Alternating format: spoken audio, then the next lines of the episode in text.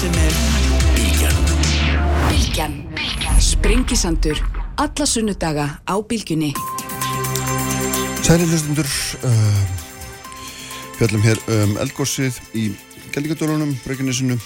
Lokþáttar uh, verð hér með Úkrænu upp úr 11 Kristján Þólu Snæbjörnarsson verður hér síðan uh, fyrsti varfórsti aðeins í fjöllum þar um þessar miklu væringar sem þar eru innan dýra þetta er einhvern tíman á eftir en Áskil Brynja Þorvarsson sestur hérna hjá mig, sæl blessaður Áskil, velkomin eins og æfilega Sæl, góðan daginn. Uh, Glæðis að fá þetta spá í, með mér í spilin í svona hérna þessum í þessum mikla óvissu ástandi sem er. Við sjáum bara hérna þessi gamli draugur, verbulgu draugurinn lætur nú aldrei svo að kræla út um allan heim og menn eru með bökum hildur og vita ekkit hvernig að breðast við þessu.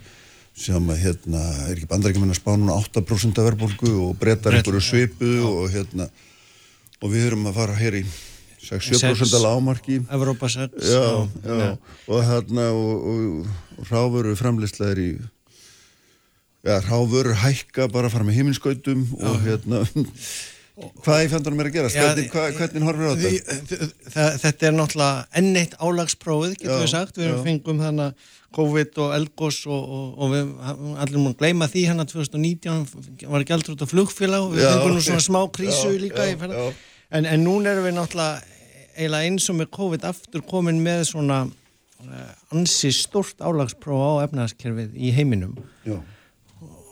út af þessu stríði hérna í Evrópu. Og, og það, ég var nú hérna kannski að tala við, við þig í haust og svona reyna að tala niður verbulguna þá var út í svona alþjóðlega umræðunni að þetta væri bara tímabundi eftir að COVID já, væri búið, hagkerri færi í gang, það þyrti smá skot og, og svo myndi þetta bara ekkert verða neitt vandamál og Sælabankanir úti heldu aftur af sér býða með að hækka hérna og, og, og látum þetta aðeins sjálfast. Hér byrjuðum en reyndar og ég var frekar ósattu við það að tala svolítið upp verbulguna mm. að óþörfu of snemma uh, að því að hún var augljóslega hérna í húsnæðisverðinu, hún var uh, augljóslega ekki vegna launahækana því það voru gerðið lífskjæðarsamlinga fyrir mm. löngu þannig að og, og það var ekkert byrjað að flytja inn neina alþjóðlega verbulgu þannig að þetta var kannski svona full uh, fljótt byrjað að hækka hér fannst mér, að því að við vorum einna síðust að hækka mm. og, og vorum bara í samræmi við önnulönd og, og verðbólgan hér var ekkert meir en annars þar svo náttúrulega fyrir hvað, þreymur vikum, þá bara breytist heimurinn e, við þetta stríð. Og, og ég meina markaðir eru meina, heimsmarkaðir með nikk eða bara búin að vera frosinn. Mm. London Metal Exchange sem að sér um viðskiptin að, að það krassaði kerfið þeir reyndu að endurræsa í síðustu viku.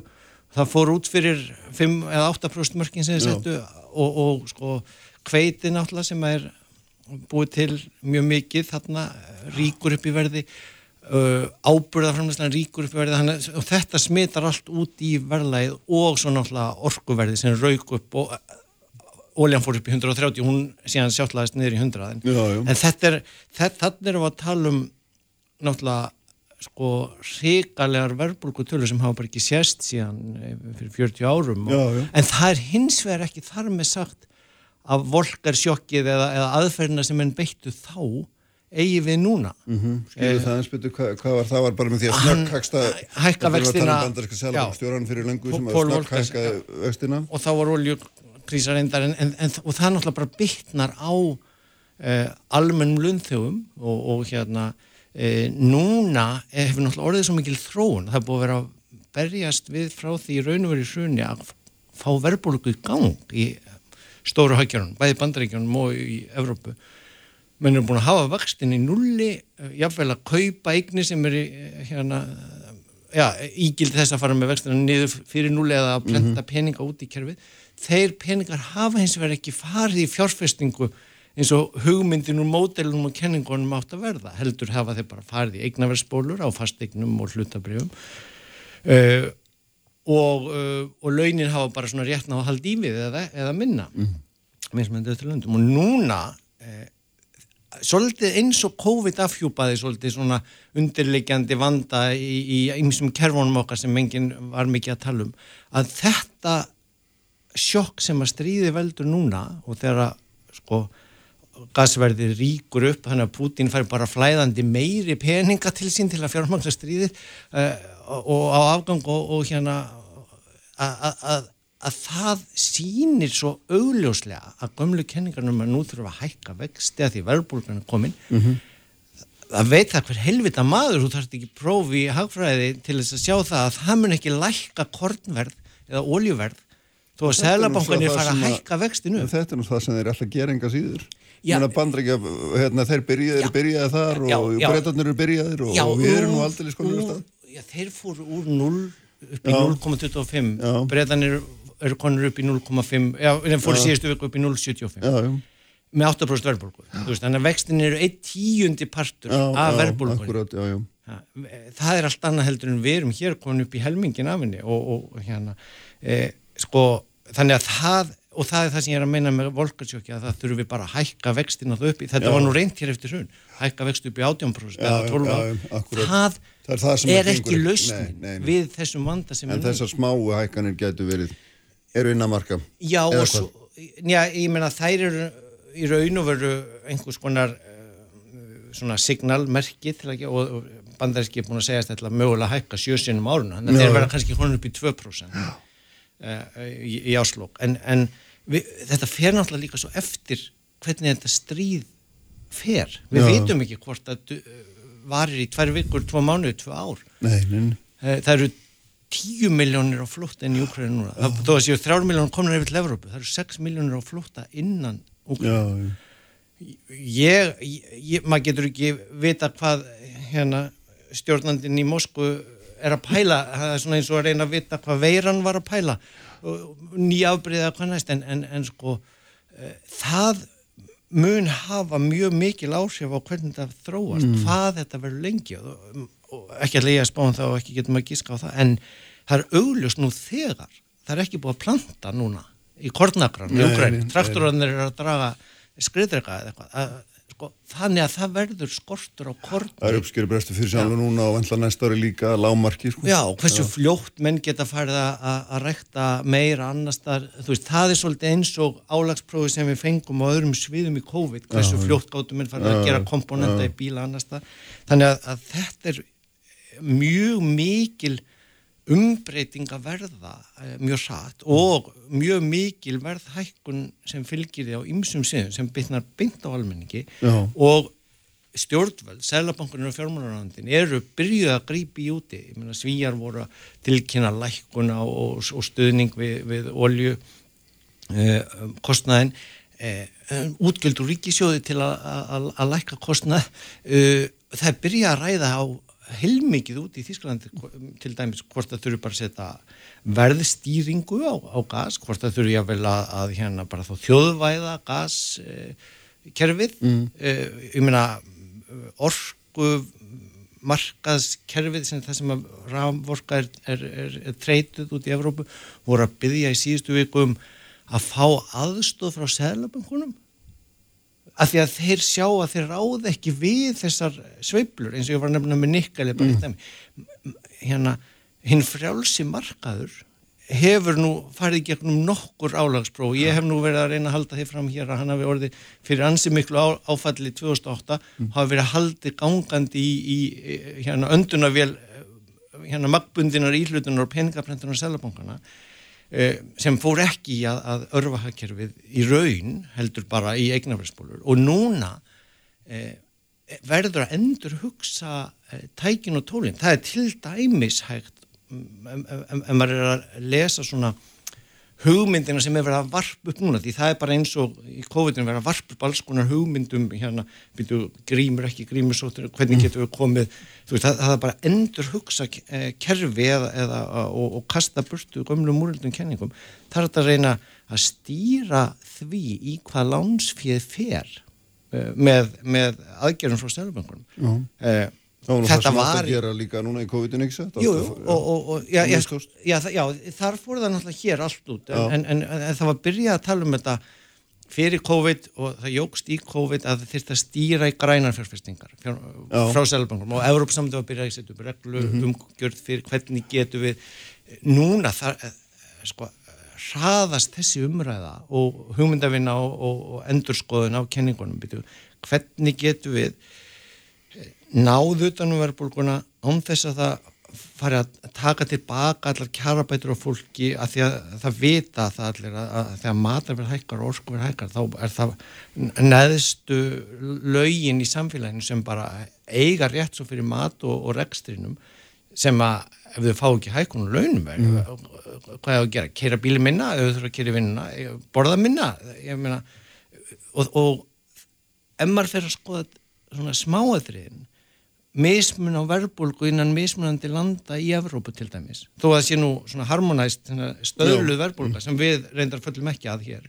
Ef, ef við myndum bera okkar saman við það þá erum við með ánhúsnæðislega eins og þá erum við með munlæri þá erum við með 3% hérna, verbulgu hér núna. Að, en, en ef maður skoðar mismunandi land í Evrópu að þá eru þau lönd sem eru með minnsta verbulgu eru þau lönd sem eru með flestar eh, hömlur á, á verði. Ég meina frakkar eru með hámarksverð á bagett og mm. brauði mm. Uh, það eru hámarksverð á leiguhækkunum í ymsum löndum uh, og, og mér sé New York og Svíþjóð og þannig að, að, að nú er bara verið að ræða opið úti í, í svona hinnum opna hagfræð umræðu heimi mm. uh, hvernig á að, að hérna reyna, já, reyna að stöðva þessa verðmún sem er augljóslega tilkominn vegna stríðis og, og breyðist einhvern veginn um, ég meina það, það verður hungursnið sennilega í fullt af löndum í söðrinu að því að kornverðir að fara svo upp. Mm. hjálpastofnarnir þar sem er að gefa fólki hérna matargefi hafa bara ákveði budget, ákveði fjárminu og fá bara minna korn. Það, það, þannig að þetta er bara ekki auðvelt að sjá eh, hvernig að leysa en hins vegar er augljóst að sjá að gömlu hugmyndinar og hefðbundu kenningarnar virka ekki til að takast á þetta. En það sem er náttúrulega líki í gangi er að við sjáum að hérna, e, á meðan þessu vindu fram þá fer þetta fjármálamarkaðurinn sínuleiti sínu fram og þar er minn náttúrulega lungubyrjar að verleggja áhættuna, gera hérna, spárin í framtíðina og er þar hann hérna, þeirra vendingar um Harry Verbulgu eru komnar inn í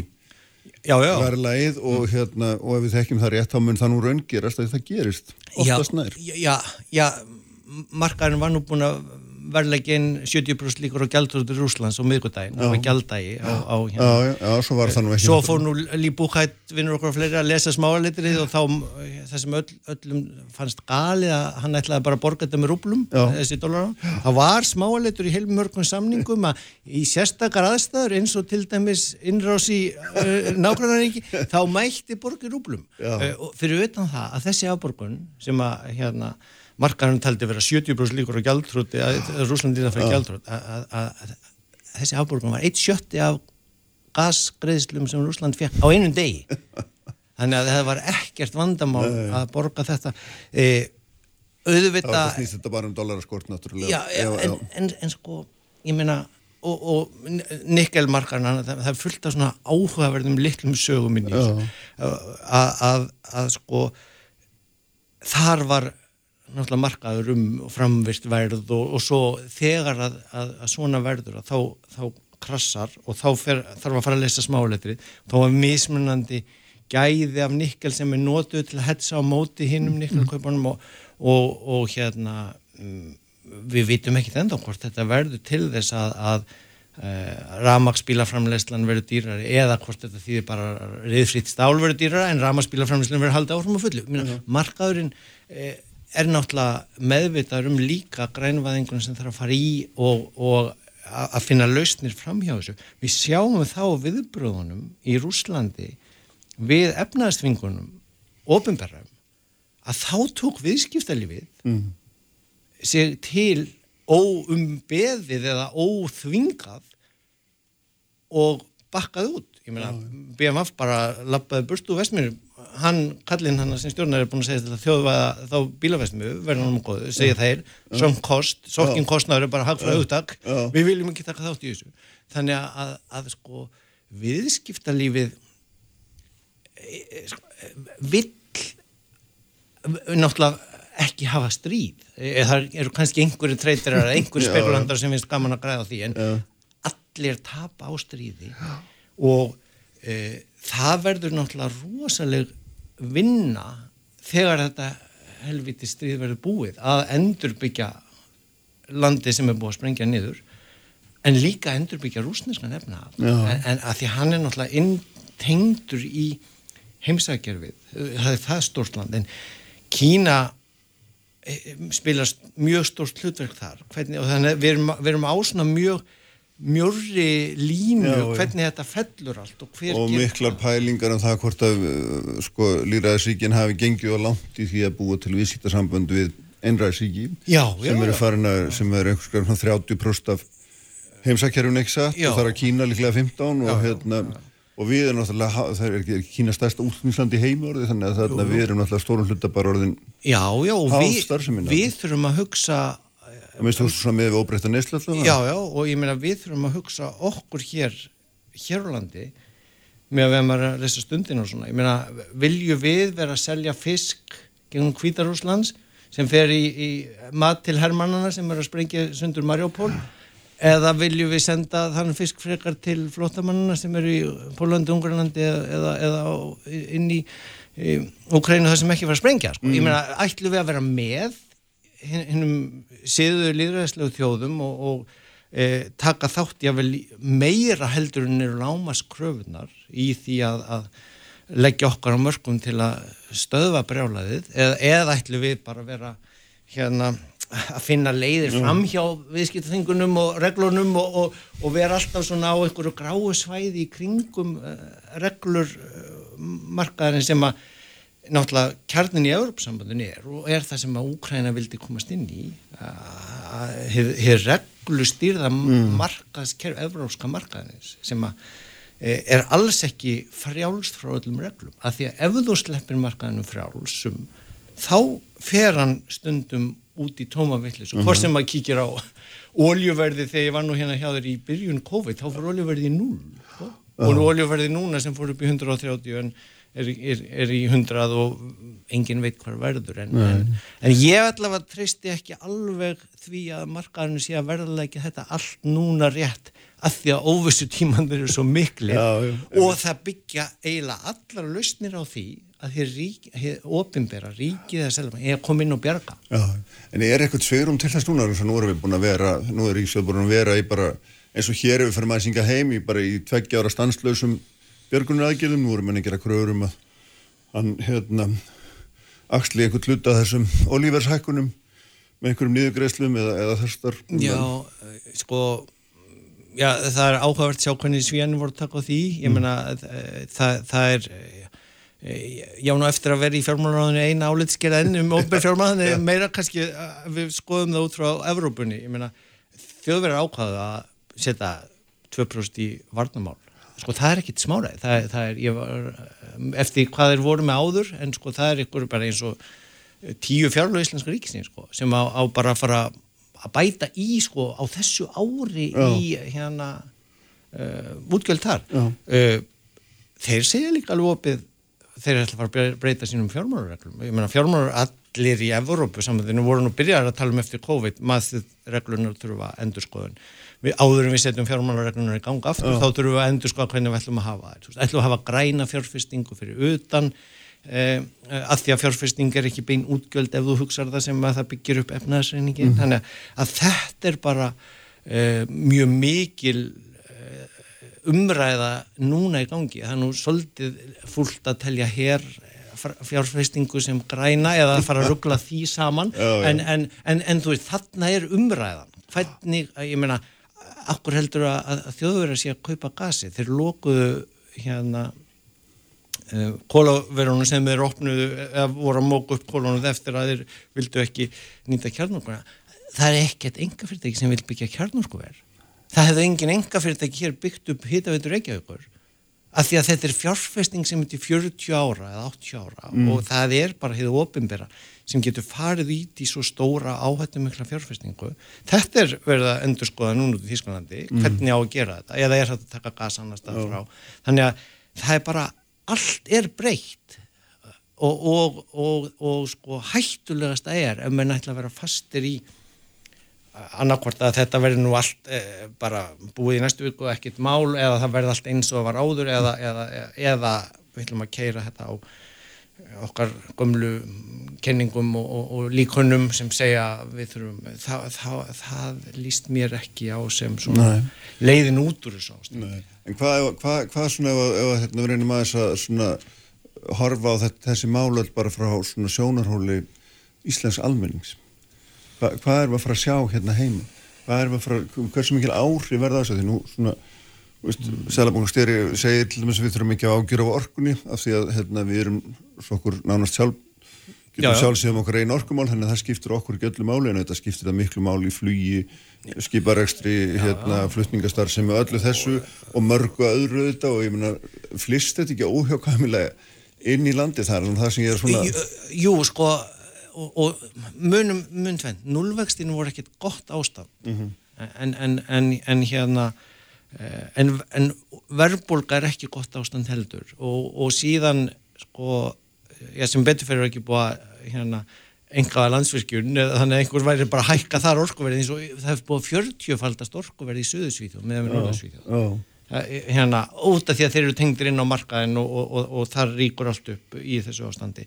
Þannig að sko við erum sjálfbæri með margt þar sem að ríkur ekki upp kostnæðurinn við hitunina og hérna ráðvarkuna um, það er kannski bara allt í lægi að, að dísiloljan hækja eins og fleiri þá fáið sér ramaspíla og ennþá meiri hafur á því og ódýrar ramagn á þá. Þannig ennþá meiri kvati bara út úr verðlagningunni á, á, á, á því að keira en, en að sjálfsögðu má ekki láta þetta e, fara að geta upp kjarabætu sem búið að ná hér eða, eða skilur að, að láta kostnaðan af þessu stríði lenda allan bara á neðstu neðsta fjörðungi samfélagsin sem er sá sem að finnur fyrir þessum hækkunum mm. eh, en, en eh, sko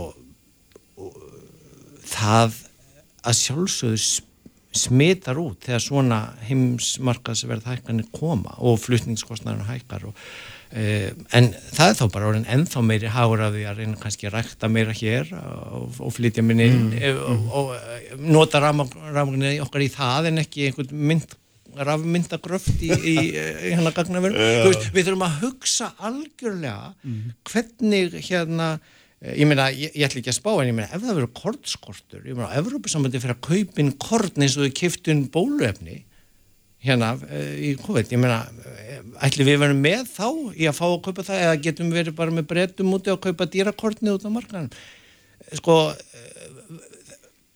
eða bara við rektum meira af höfrum hérna, ja, það, ja. þú veist ef þetta verður langvarandi stríð þá þarf að náttúrulega fara að hugsa alls konar hluti svona og það er alveg gott að hugsa ymsa af þessum hlutum upp á nýtt út frá eh, loftslagsvarnu og grænvæðingunni yfir höfuð, ég meina það var í raun og veru alltaf ódýrt að flytja vörur um heimina, Íslendingar skildi vera panta mm. frá Kína, eitthvað svona hérna eh, neyslu vöru drastlefi ég meira að segja sem er ekki einu sinni sémert frá Europasambandinu, þannig að þú, það er ekkit gott fyrir umhverfið. Og ef það er of ódýrt þá náttúrulega verður heilmikil sóun þar. Þannig En áttu vonað því að svona, hvað maður segja þetta alþjóða, þessi alþjóða væðing hún gangi það einhverju leitið tilbaka er það, er það svona e, Sko, það er viss hægt á því en, en það er samt líka, ég hef ekki séð svona miklu umbreytinga á Evrópasambandinu síðan ég byrjaði að fylgjast með Evrópasambandinu sko. núna bara á síðan síðustu fjórum vikum sko. þannig að hún getur styrst líka mm.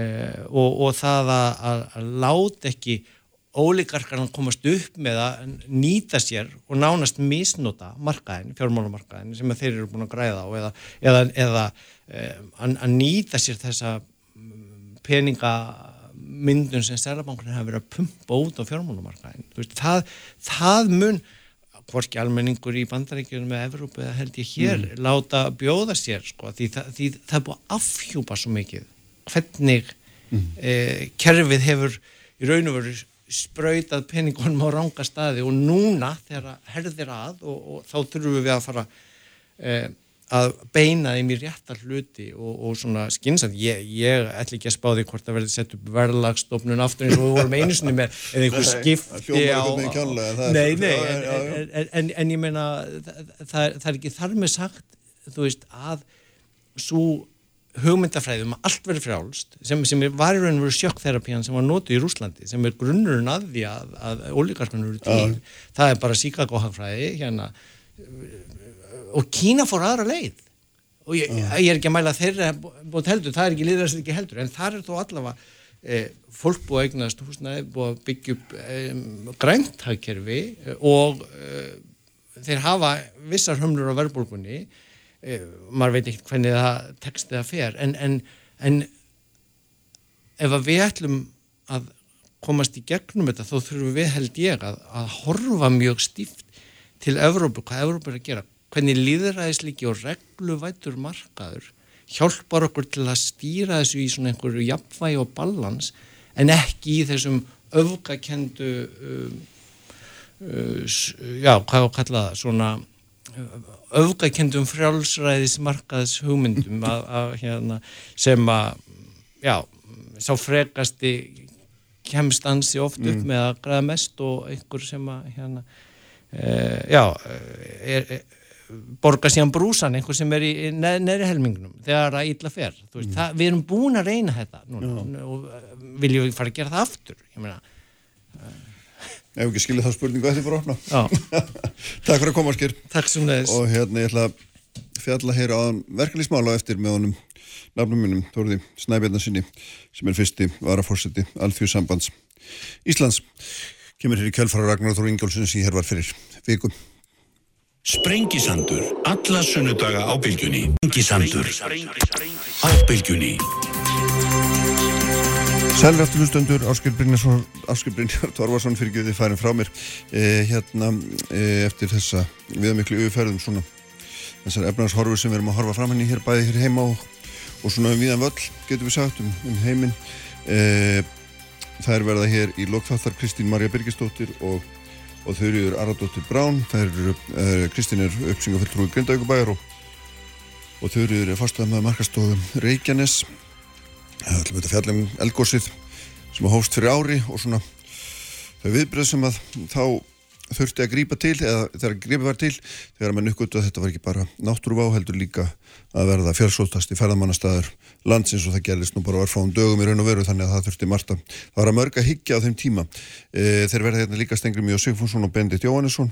Fjöldum þá um Úkrænu svolítið áfram en sestur í hjá mér Kristján Þóruður Snæbjarnason sem er fyrst í varafórsti Altíðsambandsins og og formadur ræðina sambandsins. Sæli blessaður. Blessaður. Velkomin. Takk fyrir það. Þú ert hérna í kjölfari vittal sem ég átti við að Ragnar fyrir viku og svona hérna svo sjáum við þetta heldur áfram þessi deila eða þessar væringar innan alþjóðsambandsins mm. uh, hérna Vilhelm Birgisson fer líka mikinn og, og, og drívar henni að svara og, og þá er henni svara tilbaka og Og þetta er nú óvennulegt að fóristum en í svona reyfingu, að ég veit ekki, manni finnst það allavega í setjum tíð, einhvern veginn berist á banaspjótum og ofnbjörnum vettfangi, skrifist á og ekki minniðni smá hörku. Mm. Þú ert nefndur í mín eiru sem kandidat þessar óröðlegu deildar. Hvað, hvað, hvað stendur í sig, hvernig líst þér þessu stöðum? Segði mig bara, hérna, opnaðan úr hugðinu þetta. Já, sko, staðan er náttúrulega þannig að eins og lýsir að þá þetta er búin að vera tölveri deila innan okkar raða og það er auðvitað þannig í svona fjöldarhefingu þar sem að hérna, við erum auðvitað fulltrúar mismöndi hópa innan okkar reyfingar og við erum auðvitað að svona tryggja e, e, málefnalega framsögu í ymsum málaflokkum og það auðvitað, þú veist, e, málefnilegur ágreiningur eru auðvitað eitthvað sem hefur alltaf verið innan hreim og, og verður það alveg pottjett inn í framtíðina.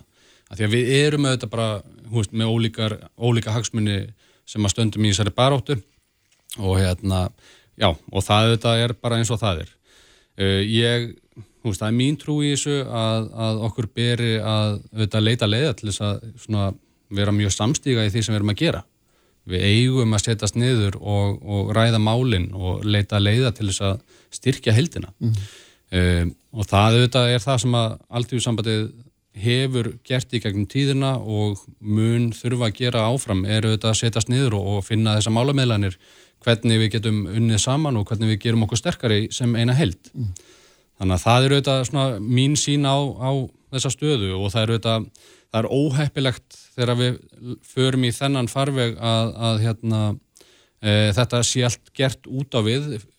Við eigum að taka þetta inn á við og, og leys úr þessu þar. Og þar hefði maður vilja að halda þessu að, að við værum svona í samtalenu inn á við og, og, og leita þessar leiða.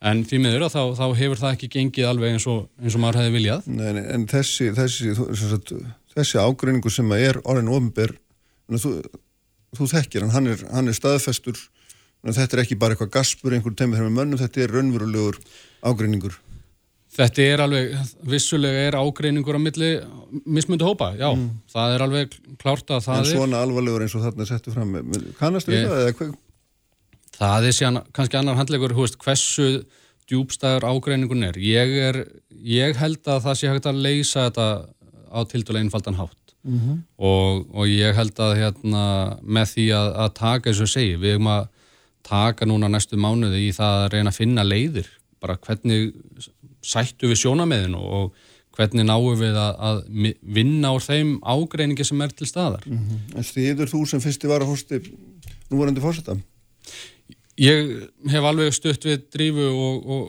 og mun gera það áfram í þessum málum. Eh, Ég held samt sem áður að, að við þurfum að, eins og ég segi, við þurfum að, að hérna, þétta ræðnar.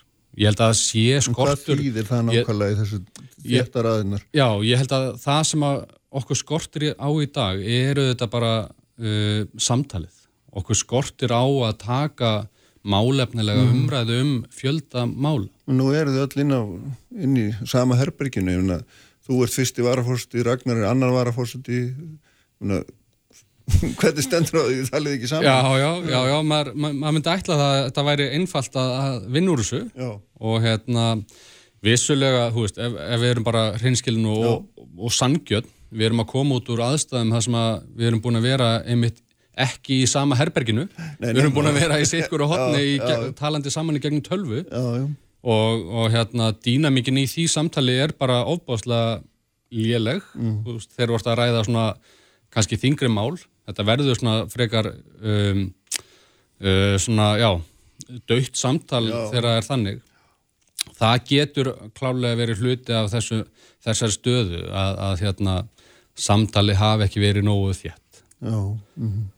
þannig að En hva, sko, nú er, nú er hérna nú er, þetta, er þeir búinir félagarnir Vilhelmur og Ragnar að lýsa því yfir að drífa get ekki setja áfram þeir eru búinir að segja það, bara alveg klárt og það er alveg ljóst að þeir eru að það, hún sittur ekki áfram með þeirra samþyggi og, hérna, og þeir draga gerðna Solveig Önnu með sér inn í þetta, hún nú ekki, ekki talað um þetta alveg nýlega, svo ég veit til allavega en þetta er náttúrulega risa, risa stór félög þarna bakvið, sérstaklega þetta ebling og, og vaffer og þarna nú segir Ragnar hér fyrir viku að yðnaðurinn sé óanaðu líka en þá er nú ekki margt eftir. Nei, nei, það, það er alveg rétt. Þetta eru, þetta eru stóri hópar sem að þarna er búið að tellja upp. Það eru auðvitað eitthvað sem að þarf að vinna úr uh, og, og hérna, maður heyrir auðvitað alltaf auðvitað óana í rættir ansi víða um svona mál. Um, en hérna, já, þetta er, þetta er ekki góð staða þegar þetta er orðið með þessum hætti.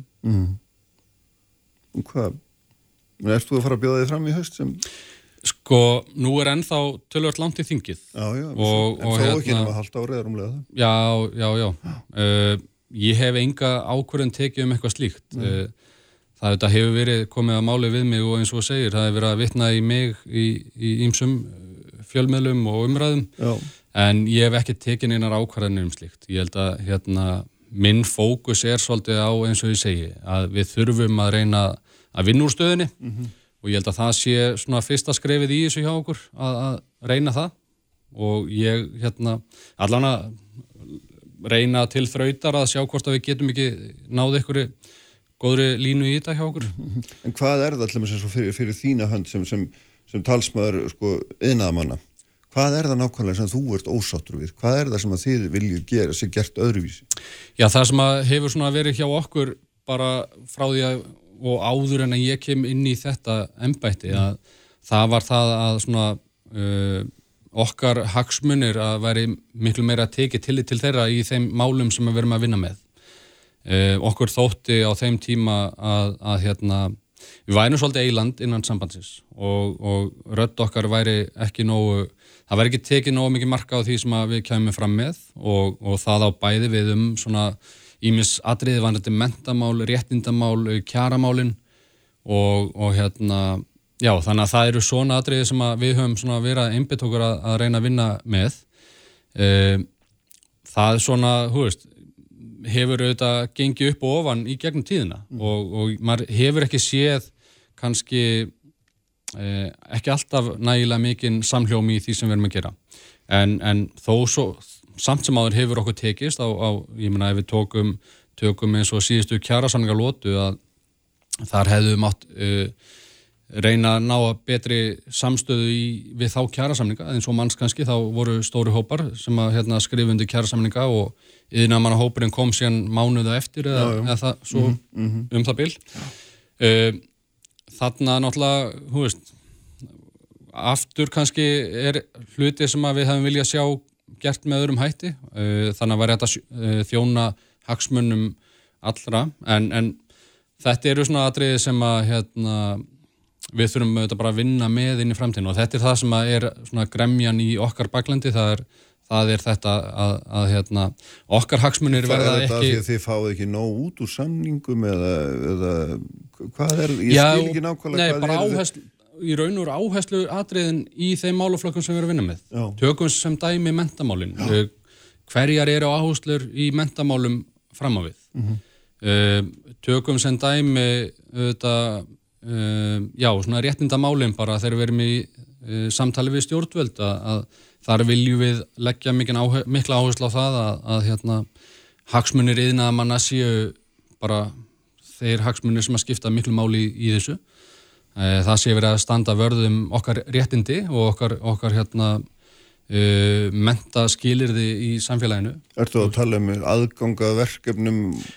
Aðgangaverkefnum og, og það sé verið að fylgja eftir þeim lögum og reglum sem er í gangi. Við erum með ákveðin yðnalög í samfélaginu þar sem að hérna, atvinnur einhvern veginn sækja yðurlega uh, stíft á að reyna að fella út uh, og OECD kom hérna á sínum tíma gerði skýslu um, um byggingareðinaðin og, og reyndar fjölda greina og þar kemur sér auðvitað fyrstu atriðin að þáttu semst að reyna að högva í, í okkar réttindi mm. sem að hérna uh, við auðvitað erum verulega ósátt við og hérna erum auðvitað, já þetta eru svona atriði sem að við viljum mm. auðvitað bara styrkja og, auðvitað samhljóm með öllum öðrum hópum innan okkar aða og innan alþjóðsambatsins mm. þetta snýr náttúrulega síðan að bara stöðu launafólks í hilsinni. Já en þetta, þetta, þetta þetta karp á milli ykkar verkalýsfóringjana ég finna yðnaðamæðurinn sem er að hlusta á okkur og, og hérna, verkakonan og svo framvegð sem hérna hvað hafa þau út úr þessu? Er, er, er, er þetta bara eitthvað, það sem ég er að fiska eftir er þetta bara eitthvað svona skrifstofur yfirildi á milli eitthvað fólks sem er að takast á um, ég veit ekki eiginlega hvað mm. eða er verið að tala um eitthvað raunverulegar breytingar fyrir hand umbjöðandana? Það er auðvitað það sem að eins og ég kom inn á áðan að, að hérna, auðvitað maður veit, veltir að sjálfsögðu fyrir sér húst, hver er ávinningun af þessu karpi. Uh, er ekki betra og meiri hagsmunir í húfi að leita leiða til þess að einmitt að vinna saman og, og þjætta ræðirnar. Mm. Það er það sem ég held að sé mikilvægast fyrir okkur að, að ná að gera. Uh, en auðvitað þá, eins og ég segi, það sem að þarf að gerast er auðvitað að við séum að þá að vinna málefnilega í þeim hlutum sem við erum að vinna með. Mm. þannig að og þetta, e, það er mjög eðlegt að fólk spyrja sig veist, hvað græðu við á þessu karpi okkar á milli? Já, nákvæmlega, en ég, sko Ragnar saði þetta fyrir viku sem að vitni áfram í hann er, er hérna, allt því sem bæti væri hugsanlega bara batsins tíma, þetta endur skoða það fyrir gunni, hvað finnst þér um það? Sko ég er þeirra skoðunar að alþjóðsambandi skipti verulega miklu máli í okkar, okkar samtökum, í okkar starfsemi, svo að uh, það sem að auðvitað er með alþjóðsambandi, þetta er hérna uh, rúmlega 100, 106 ára gamalt samband sem við, við stopnum hérna fyrir, já, 106 árum uh, stendur vörðum svona stóru málinn hjá okkur. Þetta er það samband sem að þjættir okkar starf svona dagstaglega, mm. þetta er okkar sterkar rött út á við eh, gagvart stjórnvöldum og, og, og öðrum aðilum. Uh, mín skoðin er svo að, að þetta samband uh, sé að þjóna það miklum hagsmunum fyrir okkur að við eigum að halda því saman. Og mér þetta er mjög miður ef, að, ef að okkur tækist það ekki. Þannig að heldur það sé einhver hætt á því að þau gangi út? Að þau gangi út? já til dæmis, vaffer eða gefling sko, það liggur ekkert með inn í loftunni og þau fá ekki sínu framgeng já, ég menna auðvitað er eflaust alltaf þetta hagsmunna mat innan allra félag og allra, allra sambanda innan alþjóðsambandsins eins og annar staðar. Um, það er alltaf að sjálfsögða hætt á því að það geti raungerst en, en ég vænti þess allavega að, að félögin fari þá í samtalið í, við sína græsrótt við sitt bakland og, og, og spyrja sig hvort að hvar hagsmunnin liggi mm. hvort að þeim sé betur borgið utan eða innan ég myndi telja að það veri mikill uh, bara styrkur fyrir all, alla heildina að við varum öll saman í sambandinu og myndum reyna að styrkja það mm. en, en auðvitað veist, á svona samstagsvettvangi þá er það auðvitað alltaf þessi málamiðlun sem við þurfum að beita í málum uh, þannig að þú veist við erum að reyna að leita leiða til þess að, að uh, sætta sem flest sjónamið við komumst að einhverja einni ákveðni niðurstöðu í málum og það er okkar styrkur mm. að geta átt samtalið, geta komist að niðurstöðu og staðið á bakvið það sem við ákveðum. Mm. Þarna held ég að hérna, e, styrkurinn sé hjá okkur. E, varðandi sé hann auðvitað bara uppbygginguna og, og hlutverk alþjóðsambandsins og, og okkar landsambanda. E, kannski er þetta ekkert alltaf voðalega sínilegt fyrir hinn almenna félagsmann. Veist, hvað er alþjóðsamband að gera? Það er eitthvað sem ég held að við þurfum líka að fara svolítið í bara í baklandunni hjá okkur að veist, skoða, horfa svolítið inn á við hvað, hvað eru að sækja til sambandsins af því að þetta eru veigamikli þættir Já. sem eru kannski ekkit endilega sínilegir svona dagstæglega og það þarf fólk að svona fá svona upplýsingar um og, og umræðu uh, mm. einmitt, um hagsmunamatið hvað það er. Langar aðsetna bara rétt í svona síðustu metrunum hérna, horfaðans með mér inn í höstu því að þarna eins og staðan er núna eins og maður sér hana þá, hérna, þá erum við bara stödd í meðri styrjöld og, og, og veitum ekkert hvert hún fer með okkur en í það minnsta allavega til skemmri tíma að sjá að hún er nú ekki að, ekki að styrkja okkar stöðu með neinum hætti og, og hérna, nýkomin út úr COVID-i og maður svona veldi fyrir sér ætla verkefnisreifingin í alvöru að hérna, stilla sér upp í haust og hérna, rekka nefanir fram í samfélagi og segja við verðum að fá meira. Er, ver, verður það strategið? Já, nú er náttúrulega framöndan, eins og segir, það er endur skoðan á kjærasamningum. Mm. Kjærasamningar renna út í november og það er okkar hlutverk að, að fara í þessa vekkferða að endur nýja samninga og tryggja að laun okkar umbjóðanda, okkar félagsfólks uh, fái hækkun uh, eins og þar er. Uh, það verður auðvitað fjölmörg atriðið undir í þessu. Við erum að tala um hérna, stöðun á húsnæðismarkaði, bara hvað er í gangi þarna. Eh, það eru fjársterkir einstaklingar sem er að taka stöðu á markaði, kaupa upp lausar íbúður og náttúrulega fastegna verð bara vegna, bæði vegna heimsfaraldurs og síðan út á, út á stríði að þá er skortur á húsnæði sem að hefur verið fyrir þann tíma líka og, já, já. og þetta uppsapnaða vandið sem að þarf að taka á. Við þurfum auðvitað að reyna að finna leiðir þarna til þess að tryggja stöðu uh, fólks að geta keft sér fastegnir eða leikt fastegnir án þess að verð eða leiguverð eða kaupverð hækki með svona gríðalögum hætti eins og hefur verið á undarfjörnum. Þannig að við þurfum að tak, finna einhverja leiðir þarna til þess að setja einhverjar bremsur á þetta. E, þannig að húst, auka frambóðu húsnæði, stöðva braskið á húsnæðismarkaðunum, það eru líkil þættir held ég. E, þegar kemur að kjara samningum, að þá auðvitað er við núna að upplifa og eins og kom fram í samtalið þínu áðan að, að verðbólka ef þetta er að aukast núna já, já. hún hefur, var, það var byrjað að tala hann upp áður en að tilbni var til mm -hmm. og við erum auðvitað að glíma við það að, að hérna, veist, það, er, það eru efnaðs aðstæður í heiminum sem eru með þessum hætti og það þarf auðvitað að grípa inn í og koma í vekk fyrir að verðbólka aukist verulega. Uh, en okkar hlutverk síðan kemur að því að semjum launahækkanir. Uh, við erum að sjá uh, launahækkanir hjá æðstu stjórnundu fyrirtækja. Við heyrum hennan söng í hvert einasta skipti sem við förum í kjara viðraður það er einhver laugin það, já, það, er, það er aldrei svigurum til að hækka laun hins almenna launamanns Þau hafa nú reyndar hækka mjög mikið á síðustu árum, kaupmátturinn hefur aukist gríðarlega. Kaupmátturinn hefur aukist á síðustu 5-10 árum, já, okkur hefur tekist að hlutverk að, að hérna, auka kaupmáttlauna sem er bara mjög gott, mm. enda þá vorum við að koma út úr aðstæðum þar sem að við fórum í gegnum efnaðsraun og, og kaupmáttulauna rýrnaði verulega. Uh, þannig að við erum búin að endurheimta það, okkur tókst að endur, endurheimta þann hérna það í kringum 2015-16 eh, en við þurfum að halda áfram að þessum nótum að tryggja í raun og ræð þennan kaupmátt sem við höfum náð að tryggja hann í sessi.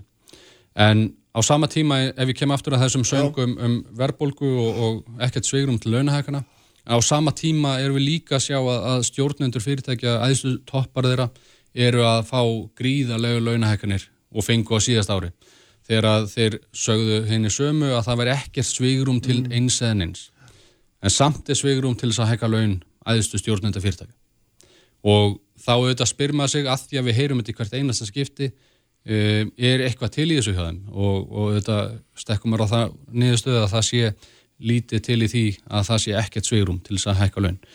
En við þurfum auðvitað að fara í gegnum þessa uh, uh, þessar viðræður og, og leita leiða til þess að mm semja um launahekkanir til þess að tryggja aukinn kaupmátt eða tryggja þá stöðu sem við erum í dag. En finnst þér ekki heimurinn í kringum okkur spila eitthvað, eitthvað inn í þessa humdafræði eitthvað? Er, er, horfið bara þetta sem er einangra fyrirbreyði, hvernig er bara forvitin sko? Já, þú veist, auðvitað skipta ytri aðstæðar máli líka og það eru, það eru fjölmargi þættir sem skipta máli en, en það eru atriði bara eins og talar um ytri markaðurinn, uh, gjaldmiðlamálinn, mm. stöðuleiki hérna á Íslandi, stöðuleiki heiminum. Veist, þetta eru allt þættir sem að uh, koma eflaust inn í þessa jöfnu. Uh, þannig að það er klártmál. En, en okkar hlutverk er þetta að semja um endur nýja kjærasamninga, semja um launahekkanir fyrir komandi ár og, og það eru þetta það sem við þurfum að einblýna á. Mm -hmm. Herrum, þetta er hérna orðið gott hjá okkur í bylli, ég er bara í rétti lokin hérna verður, hérna, ég spriði bara verður sem sagt, verður nýr fórseti hjá allþjóðsambandin í höst. Er það þitt mat? Í, það, mér finnst ómögulegt að gíska eitthvað á það núna. Ég held að, veist, ég held að við þurfum að taka það samtal inn á við og við þurfum að leita leiða til þess að styrkja okkar stöðu sem heild. Mm. Uh, síðan kemur þingið og það verður í oktober og, og það kemur allt í ljósar held ég. Ljómandi, Kristján, takk fyrir að koma. Takk hérlega. Þeir verða hérna hjá mér eftir regnablik Stengur Míó Sifursson og Benedikt Jóhannesson og síðan er það Kristín Marja Birgistóttir og, og Þurriður Aradóttir Brán. Uppspretta frétta á Sprengisandi á Bilginni. Sprengisandur á Bilginni alla sunnundasmórna.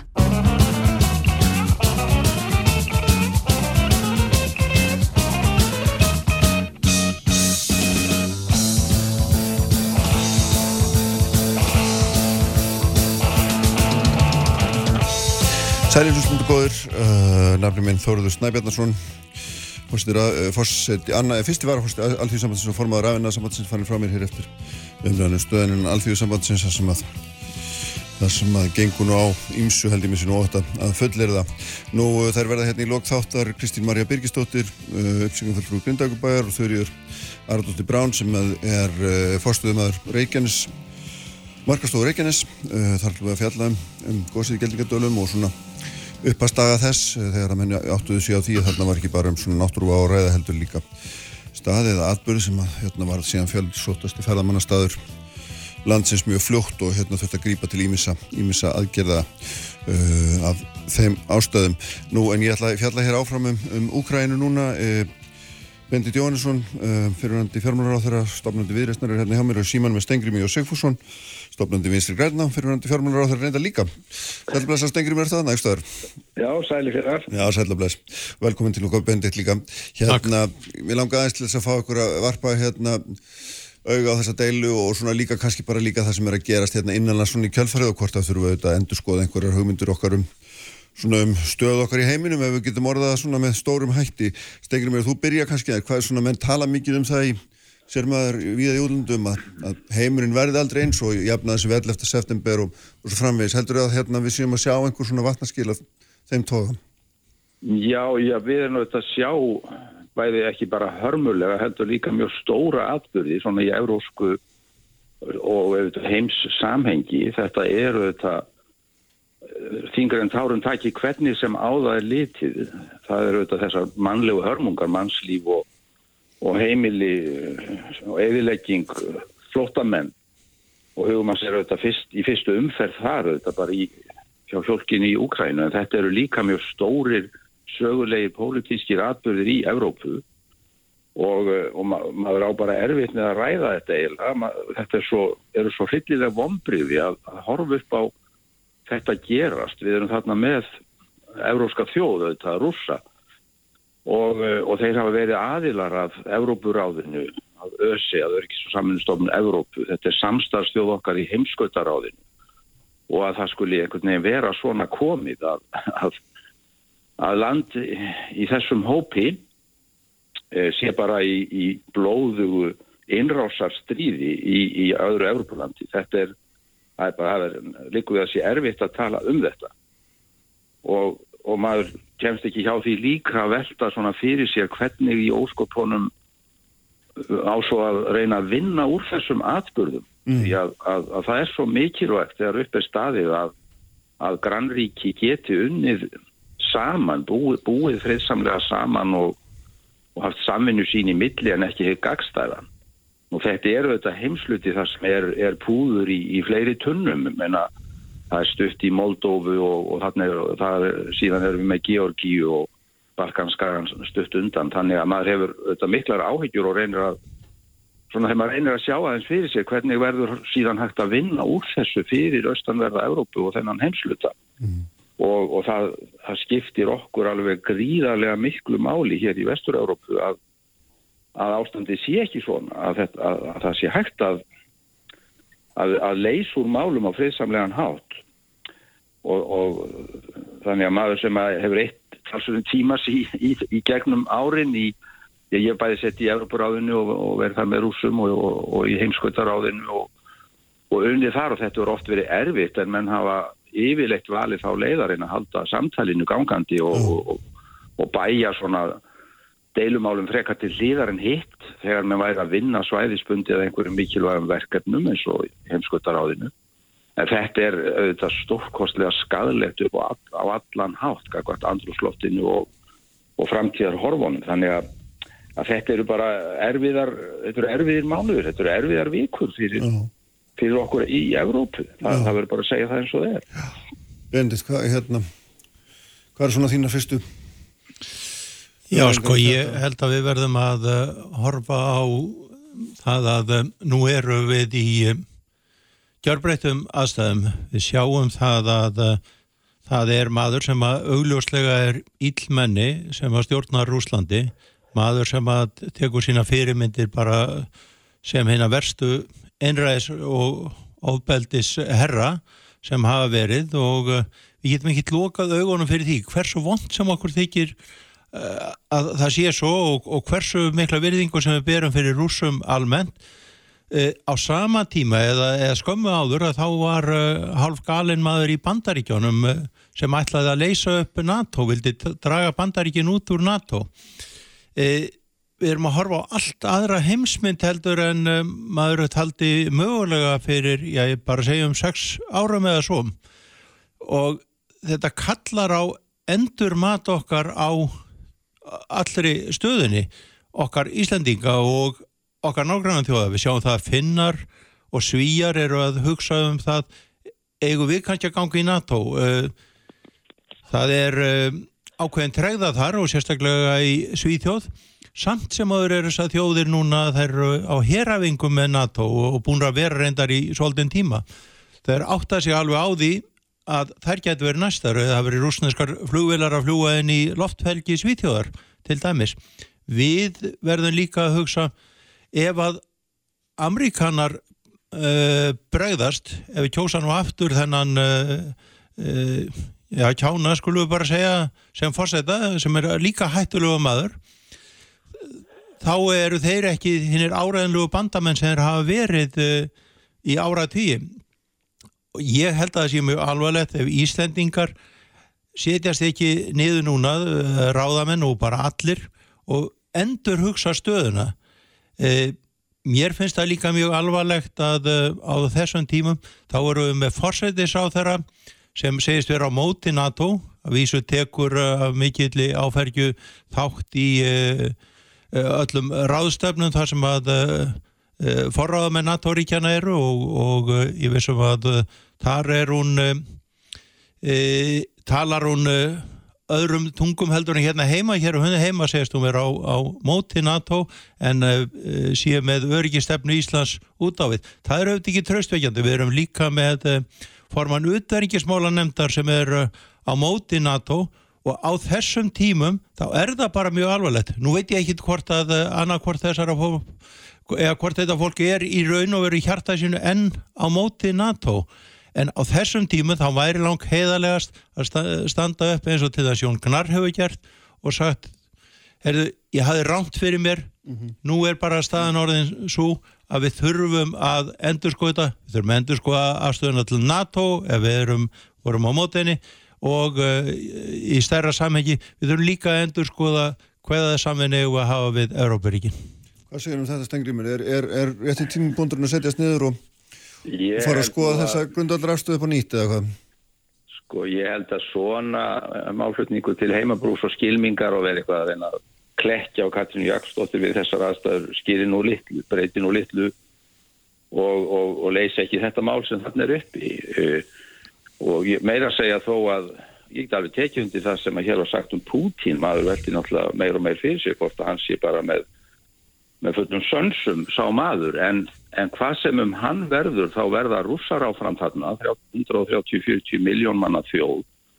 Og, og við, við munum þurfa að búa við þetta nábíli í austanveri Evrópu við þessa stóru þjóð.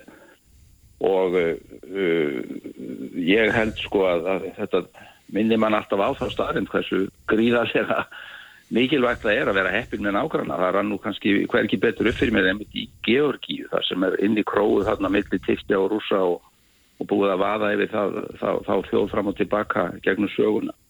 Að við ættum stundum að mun eftir því hvað við erum heppin og tala við betur um það en ekki lemja hvert á öðru.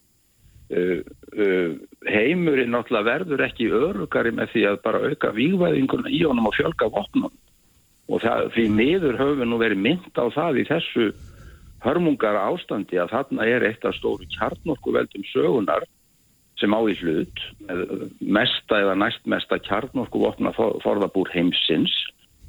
Stór, stór þjóð sem að, uh, er líka með þá stöð að hafa neitunavald í örgisráði saminuð þjóðana þannig að, og ég hef ekki skipt um grundvaldarskoðum bara svona í framhjálaupi ef að, að Bendikt vil fá að mm. heyra það sko, já, já, og því að hann var á þessum nótum að grafa, reyna mokkur úr þessum skurðum. Mm. Uh, ég er enn þeirra skoðunar að, að langvænlegasta framtíðar myndin fyrir heiminn sé að reyna að semja um afvopnun, að útrýma gerðingarvopnum, að, að reyna að tryggja öryggið á heimsvísu með, með um, öðrum hætti en þeim að, að halda áfram að hlaða upp í heiminum vopnum. Og heimurinn hefur náttúrulega um nægu önnur verkefni það sorglega við þetta er auðvitað það að við erum að glíma við að komast út úr heimsfaraldri. Við erum með mestu tilvistar ógnun mannkinsins í sögu okkar sem tegundar þar sem eru loslagsbreytingarna. Og við höfum svo mikla þörf fyrir að vinna þessum stóru sameili og framtíðar áskorunum mannkinsins mm. og þetta setur allt út af sporinu í þeim efnum. Ég, ég held að, að, að við ættum ekki að fara að frökva tilbaka í eitthvað aukin kaldastrís æsling og, og, og halda að framtíðin sé fólkin í því öllu að, að, að hva, auka výbúnar í heiminum já, og herða á, á hernaðabandalög. En hvað heldur þú stengrimur að... Ég ætla að láta það eftir mér, ég veit að það er erfitt að tala um þetta við þessar aðstæður. Já, já. Ég ætla ekki að, að, ég ætla að láta það eftir mér að vera áfram fríðar og afvopna sinni. Já, og ef eitthvað er þá þetta styrkt mér þeirri trú að mannkynni sé ekki á réttri leið með þetta allt saman. Mm. Uh, og hefur auðvitað ekki verið lengi en, en, en það þýðir ekki að, að við ætlum að, að afvopnast einliða eða eða gefast upp fyrir ofbeldismönnum eins og Pútín eða, eða, eða, og vonandi kjósi yfir okkur að fleiri trömpa og svo framvegs en... þetta eru er viðfánsefni sem verður að takast á við sko á heilstæðum grunni. Og við eigum á svona dimmum dögum muna þó eftir þeim árangri sem sumstaðar hefur nást eins og í sambandi við alþjóða samninga um að eigða efnavopnum og svona. Við höfum dæmi um það að það er hægt að ná árangri á þann hátt og ég held við meðum alls ekki láta vonin að slokna um að, að heimurinn geti orðið betri þó að við, þó að við, þó að þjóð, einstakar þjóðir lendi í, í klónum á, á, á svona brjálæðingum eins og, og Já. raunber ég og það er auðvitað bara guðmur sag og nýtt hversu mikil já. að það getur verið fyrir menn að ef að, ef að, ef að svona einstaklinga fá mikil völd En skoðana sískinni, ég held svona, ég minnst að segja þín, til dæmis í Þískalandi hafa nú farið aðra leið og, og, og hérna, þar eru græningar í ríkstjórn meðal annars og, og hérna sem ég held séu mjög náskildir ykkur vinstur grænum að mörgu leiti, það er búið að auka útgjöldlega varnamála bara strax um 2% sem eru með gríðalegar upphæðir og maður sér líka umræði víða á Norrlöndunum og svona menni er víða að endur skoða hugmyndi sínar og afstöðu og hérna og, og þess aftar og, ég meina maður ætti líka fyrir sér sko, þú veist, hérna í þessu samingi, sko, hvar, hvar stoppar þetta í þeim skilningi að einhver staðar verða vestuvöldin náttúrulega setja niður lappirnar eða Já, já, hérna, ég- ég- er það ekki, eða hvern, hvernig ég- horfir á þetta? Já, ég horfi nákvæmlega á það þannig. Ég skil alveg þá þau viðbröð að, að menn vilji styrkja sínar varnir þegar þeir, þegar þeir standa frammi fyrir svona lögum að það er þarna stór nákvæmlega í Östri sem er tilbúin til að ganga svona langt en mér skoðst í ákveðinir aðilar þar. Þannig ég held að sé skinsamlegt að horfa á þetta í tvískipt, annars vegar eh, eðlileg viðbröð núna og hins vegar, eh, missa hins vegar ekki vonina um það að til frambúðar getum við uh, unnið að lausnum á öðrum grunni en, en þessum. Sko, það er ekki skemmtileg framtíðsýn fyrir Evrópu ef að þetta þýtti bara nýtt hjáttjald og auk, aukinn viðbúnað begja megin. Til það verða viðbröð á móti hvernig þetta nú allt fer. Þannig að, að, að, að eitt er það hvernig menn kjósa bregðast við núna sem maður skilur óskup vel að, að þetta setja stað umræðu í Finnlandi og Svíþjóð og, og þess vegna víðar eins og í þjóðverjar sem hafa alltaf farið sér hægt í þessum efnum en viðast núna ætla að, að þóra auka sínar varnir og það er bara skiljanlegt í ljósi þess sem hefur gerst. En það þýðir ekki að menna afskrifi til frambúðar möguleikan og annars konar öryggislausnum í heiminum og það er held ég það sem við verðum bara að gefa okkur síðan tíma í að ræða. Sko. já, bendit, hérna, og allir bregðast þessum. Já, sko, þetta eru eru menn fríðar sinna það er um, engin þó að menn eh, vilji NATO og vilji geta varist og uh, það gleymist nú átt að NATO er í raun og veru stopnað sem fríðarbandalag og hefur eh, NATO hefur ekki verið að ráðast á annuríki það hafa Evrópusambandi var upprúnlega stopnað sem fríðarbandalag og menn ætluðu að reyna að uh, tengja bönd, bönd uh, milli þjóða, gamalla óvinna þjóða eins og frakka og þjóðvera sem hafa barist á bana spjóti gegnum aldirnar. E, svo sterkum böndum að það, þar er þið friður uh, um já, fram, framtíð og vonandi alltaf. Og auðvitað var það sama sem að við vonum þegar að Sovjetríkin fjallu að uh, þau myndu bara ganga í uh, bandarlag hérna frjálsu þjóða uh, menn myndu gleima þessum heimsveldiströymum og, og opna bara landið og uh, fyrir menningu, viðskiptum og, og öðrum samböndum, pólitískum samböndum. Uh, því miður þá hefur það orðið svo að þarna erum við með mann uh, Putin sem á sér langa sögu, þetta er ekkert nýtt, hann hefur verið að eitra fyrir pólitískum anstæðingum sínum uh, uh, munu Srípal fyrir bara nokkrum árum, fjó, fjórum árum að þá uh, eitra þar fyrir fyrirvæðandi njósnara. Hann eitrar fyrir anstæðingum innanlands og svo framvegs. Þetta er mjög hættulhugur, bara glæpamaður verður að segjast alveg eins og er. Og núna fer hann í þetta stríð eh, sem maður skilur ekki og það er öllu eitt. Það, Mariupol er lögð í rúst. Til hvers er þetta stríð Eh, til að fá einfallega meira landflæmi? Það sem að ég segi við verðum að horfa á þetta kalt. Við verðum vegna þess ymitt að við vonum til þess að hér verði friður, þá verðum við að leggja eitthvað á okkur til þess að stuðlaða friði. Og þetta þýðir held ég um, að við þurfum að vera virkari í þáttökunni í NATO. Við eigum að horfa í þáttöku til annara vina þjóða, bæðið á Norðurlöndunum og í Evrópu. Það vita það allir að ég hef talið að hag okkar væri betur borgið í Európusambandinu meðal annars vegna þess að eh, ég held að bandaríkinn séu ekki lengur sá eh, öryggi bandamaður sem við þóttumst hafa og töldum okkur hafa um ára tíi þannig að það er engin að tala um það að Ísland eigi að fara að vývæðast eða það sé betra að það séu fleiri kjarnorkuvopn en það verða allir að þóra að tala um þetta uh, uh, af einlægni. Og ég verð nú að segja það ég virði þó að Stengrimur uh, segir eins og augmöndur félagans að hann vil en þá að við gungum úr NATO vil vantanlega Ísland sé herrlaust land. Það er þó, þeir eru þó sjálfan sér samkvæmir. Það er ekki samfærandi þegar við erum með fulltrú okkar sem ég heldur endar að á alltífa vettvangi síu að uh, berjast fyrir okkar hagsmunum og tali þar fyrir okkar hagsmunum eins og ég vil að það sé gert en tali svo með einhverjum öðrum hætti hérna ef það er ekki gott, það er bara þannig. Og ég hef mikla trú á og uh, á til dæmis Katrínu Jakobsdóttur. Ég held það að það væri mjög betra fyrir hana nú segð hún já aðstæðar hafa breyst við erum í miklu hættulegri heimi og það er ekki verið að stopna nefn varnar bandalög til þess að fara ráðast á einhverja nölvönd NATO ætlar ekki að fara ráðast inn í Rúsland það verður aldrei staðið til. Og þetta er varnar bandalag en núna er hættan svo Úkræna í dag það verður eh, eitthvað annar land hugsanlega á morgun ef eh, Putin verður ekki stoppar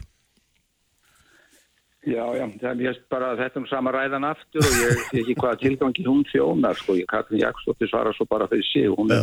fær um það og hefur trúverðilegt þess að þú kunnugt er, en ég held að, að það sé ekki Benedikt ætti ekki verið að missa svefni við þessu.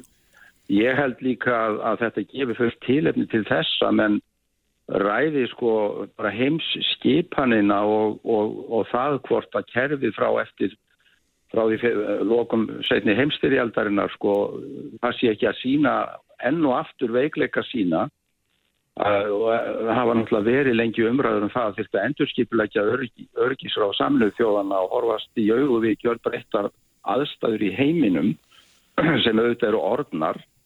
Og við skulum ekki gleyma kínverjunum í austrinu og sem er, er, er vaksandi veldi á allan hátt fer sennilega fram úr bandaríkjónum sem stæsta hakkir við heimsins á, á, næstu árum og eitt af því sem það hefur auðvitað velt fyrir sér sko er hvort að þetta á endanum myndi einhvern nýjan auksul nýtt bandala rússa og kínverja sem að heimsbyðin standi þá frammi fyrir saminuðum tveimur risa kjarnorku veldum og ekki, ekki fann og ölluleiti skemmtileg, skemmtileg framtíðar mynd. Þannig að, að ég held við verðum að láta það eftir okkur að annars vegar bara takst af ástandi eins og það líður núna dag frá degi, vika, viku og gera allt sem hægt er í samt við mannúðar aðstóð og, og, og, og þá hluti mm. í vonum að það komist svo á vopna hlið og það verður hægt að fara að vinna úr þessum ósköpum en þá eigi menn að vera með opin huga og, og ekki bara festast hún í einhverjum skotgröðum. Hvað, hvað meinar þú nákvæmlega með þessu? Ertu ja. að tala um opin huga, ertu að tala um hérna, með samningahuga? Já, er ég, er, já, ég er að tala um að vonandi geta upp úr þessu komið einhverjar samningsbundnar löstnir um eitthvað öryggis fyrirkomulag sem að, sem að hérna, dregur úr líkonum á því að svona hörmungar uh, verði, því að það hlýttur auðvitað að vera markmiðið en ég, ég held maður alveg nóg gamal til þess að, að sjá það í hendi sér að það verður óhemju flókið og erfitt pólutíst að vinna úr þessu. Og svo skiptir auðvitað gríðarlegu máli hver verður þróunin hvað gerist í Rúslandi eftir þessi ósköp. Margir eh, er að gera sér vonir um að þetta sé upp að endalokum einræði stjórna Pútins en hvað tekur þá við?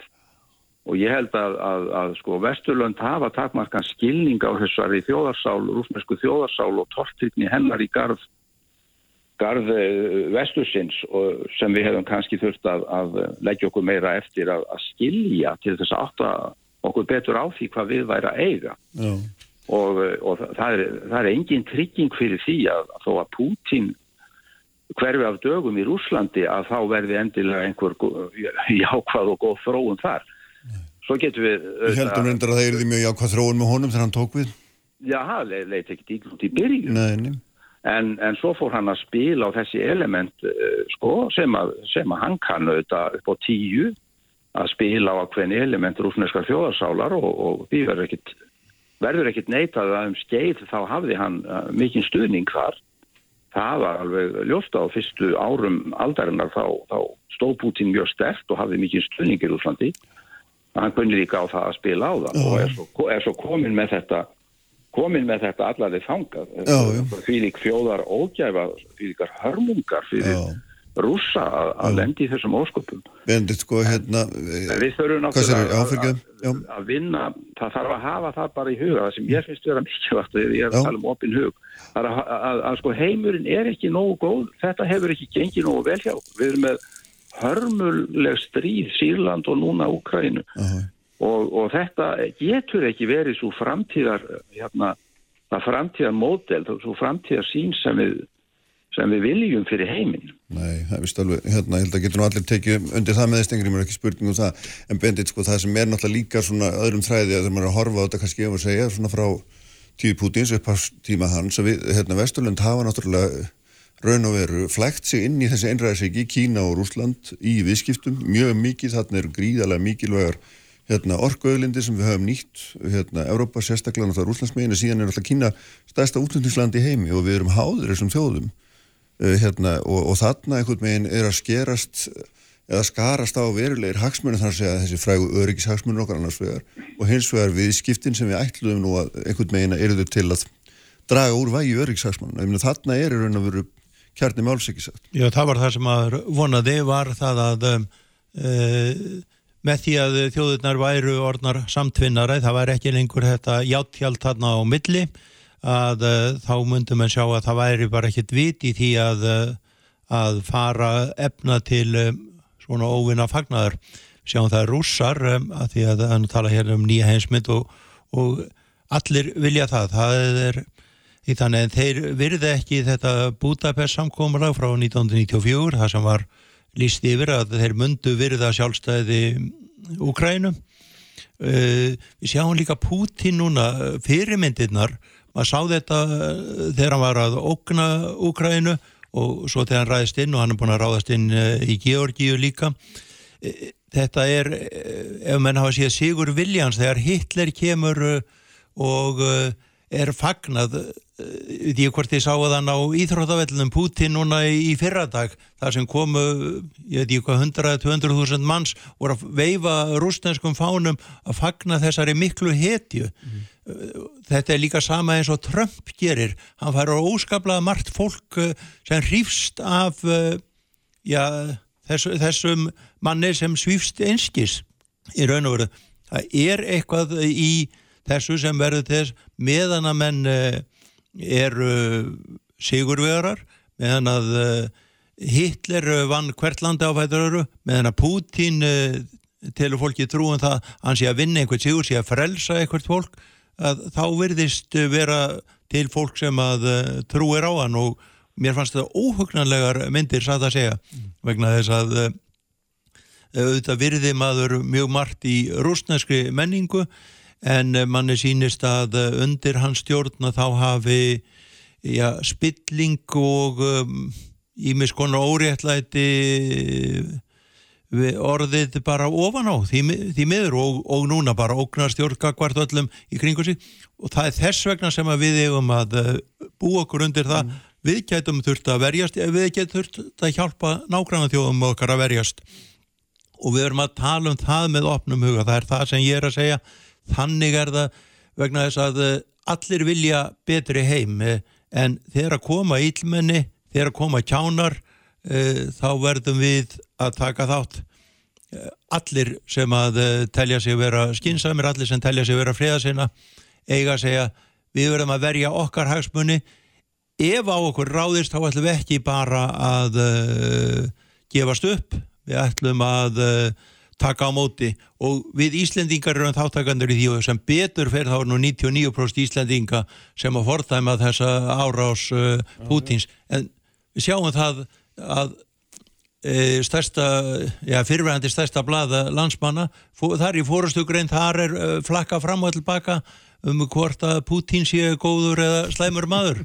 Og, og Trumpen og það er ennþá mikil hetja og, og þetta finnst manni alveg ótrúlegt. Já, Stegri, það er sko spurningin líka með svona þessi, þessi hvað maður segja, svona síðustu tvo áratu eða eitthvað svona, höfum við kannski sofið hans á verðinum gagvartu húttökum eins og líðræði þetta er svona þátt kjánalegt að nefna þetta en svona einhvern veginn maður er að vakna við vonda draumi um það þetta er kannski ekki jafn sjálfsagt og, og maður taldi vera Nei, nákvæmlega sko. í mínum huga er þetta náttúrulega ekki síst ósigur líðræðisins og, og, og, og alþjóða lög og réttur. Þetta stendur miklu veikar í fótum en við hefum viljað trúa.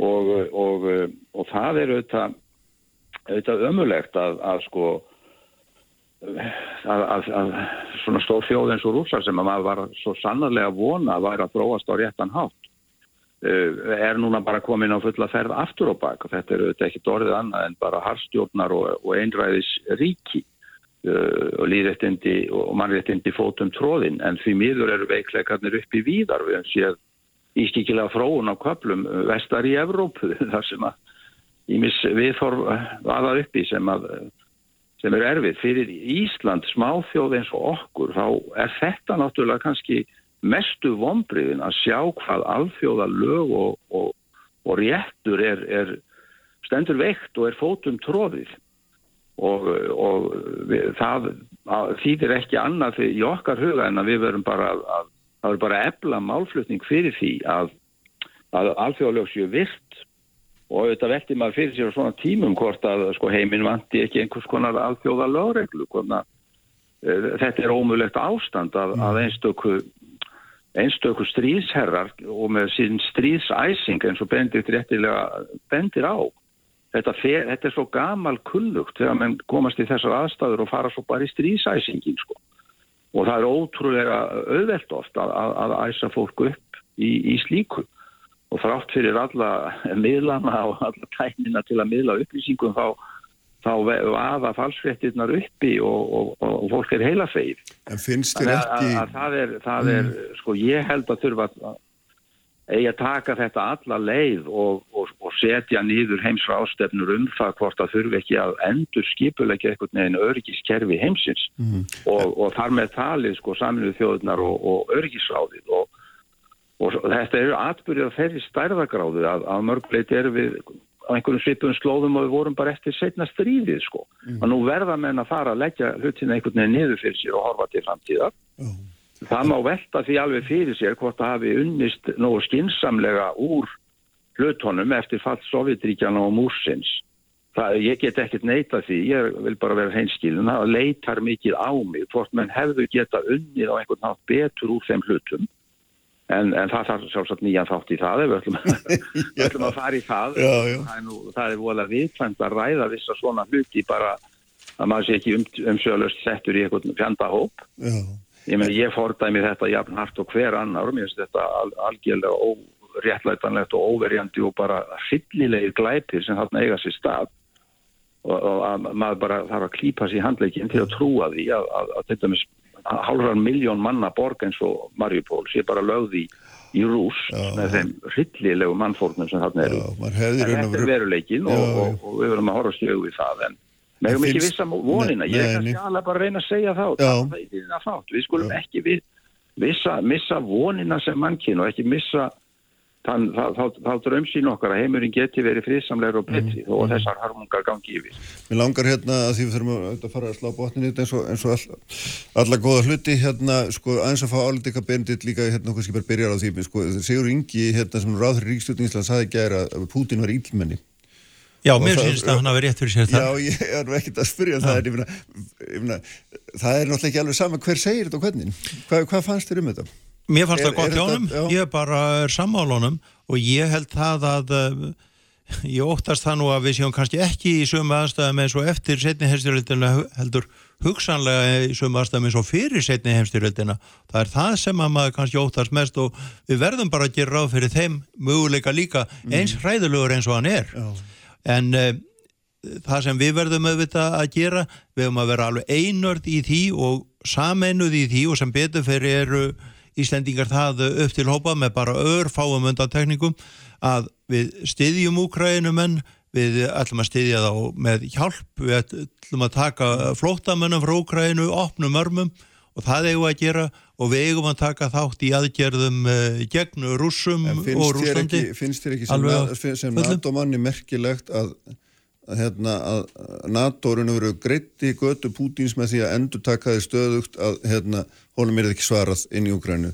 Það var í raun og veru bara alveg skýrt alveg NATO og það er alveg sama hvað þú gerir, við erum ekki það. Hérna. Þetta er nú kannski hinn uh, slæmi veruleiki að uh, þó að við séum uh flest okkar uh, fríðelskandi að þá er það það uh, sem að oft heldur afturamönnum, það er ógnarjafvægið að menn segja ekki fyrirfram ég ætla ekki að svara þér í sögumynd ég ætla að bjóða þér vinstri í kinnina kannski ekki að mann hafa alveg gert það nei, en, en, en, en já, það er bara það er bara uh, mjög erfitt. En hins vegar er náttúrulega NATO er bandalag þessara þjóða sem eru já, já, í NATO. og ekki þar fyrir utan sko. en, en þetta er alveg rétt hjá þér þetta er, því miður er þetta bara raunveruleikin eins og við sjáum hann og við verðum að taka þátt í umræðinu það líka hversu óljúft sem það kann að vera. Stengir mér örstuðt hérna bara um, um þessi ummælan Sigur Enga því mér finnst það merkilegt svona ráð þeirra í ríkistjórnan hann hveður svona fasta orði.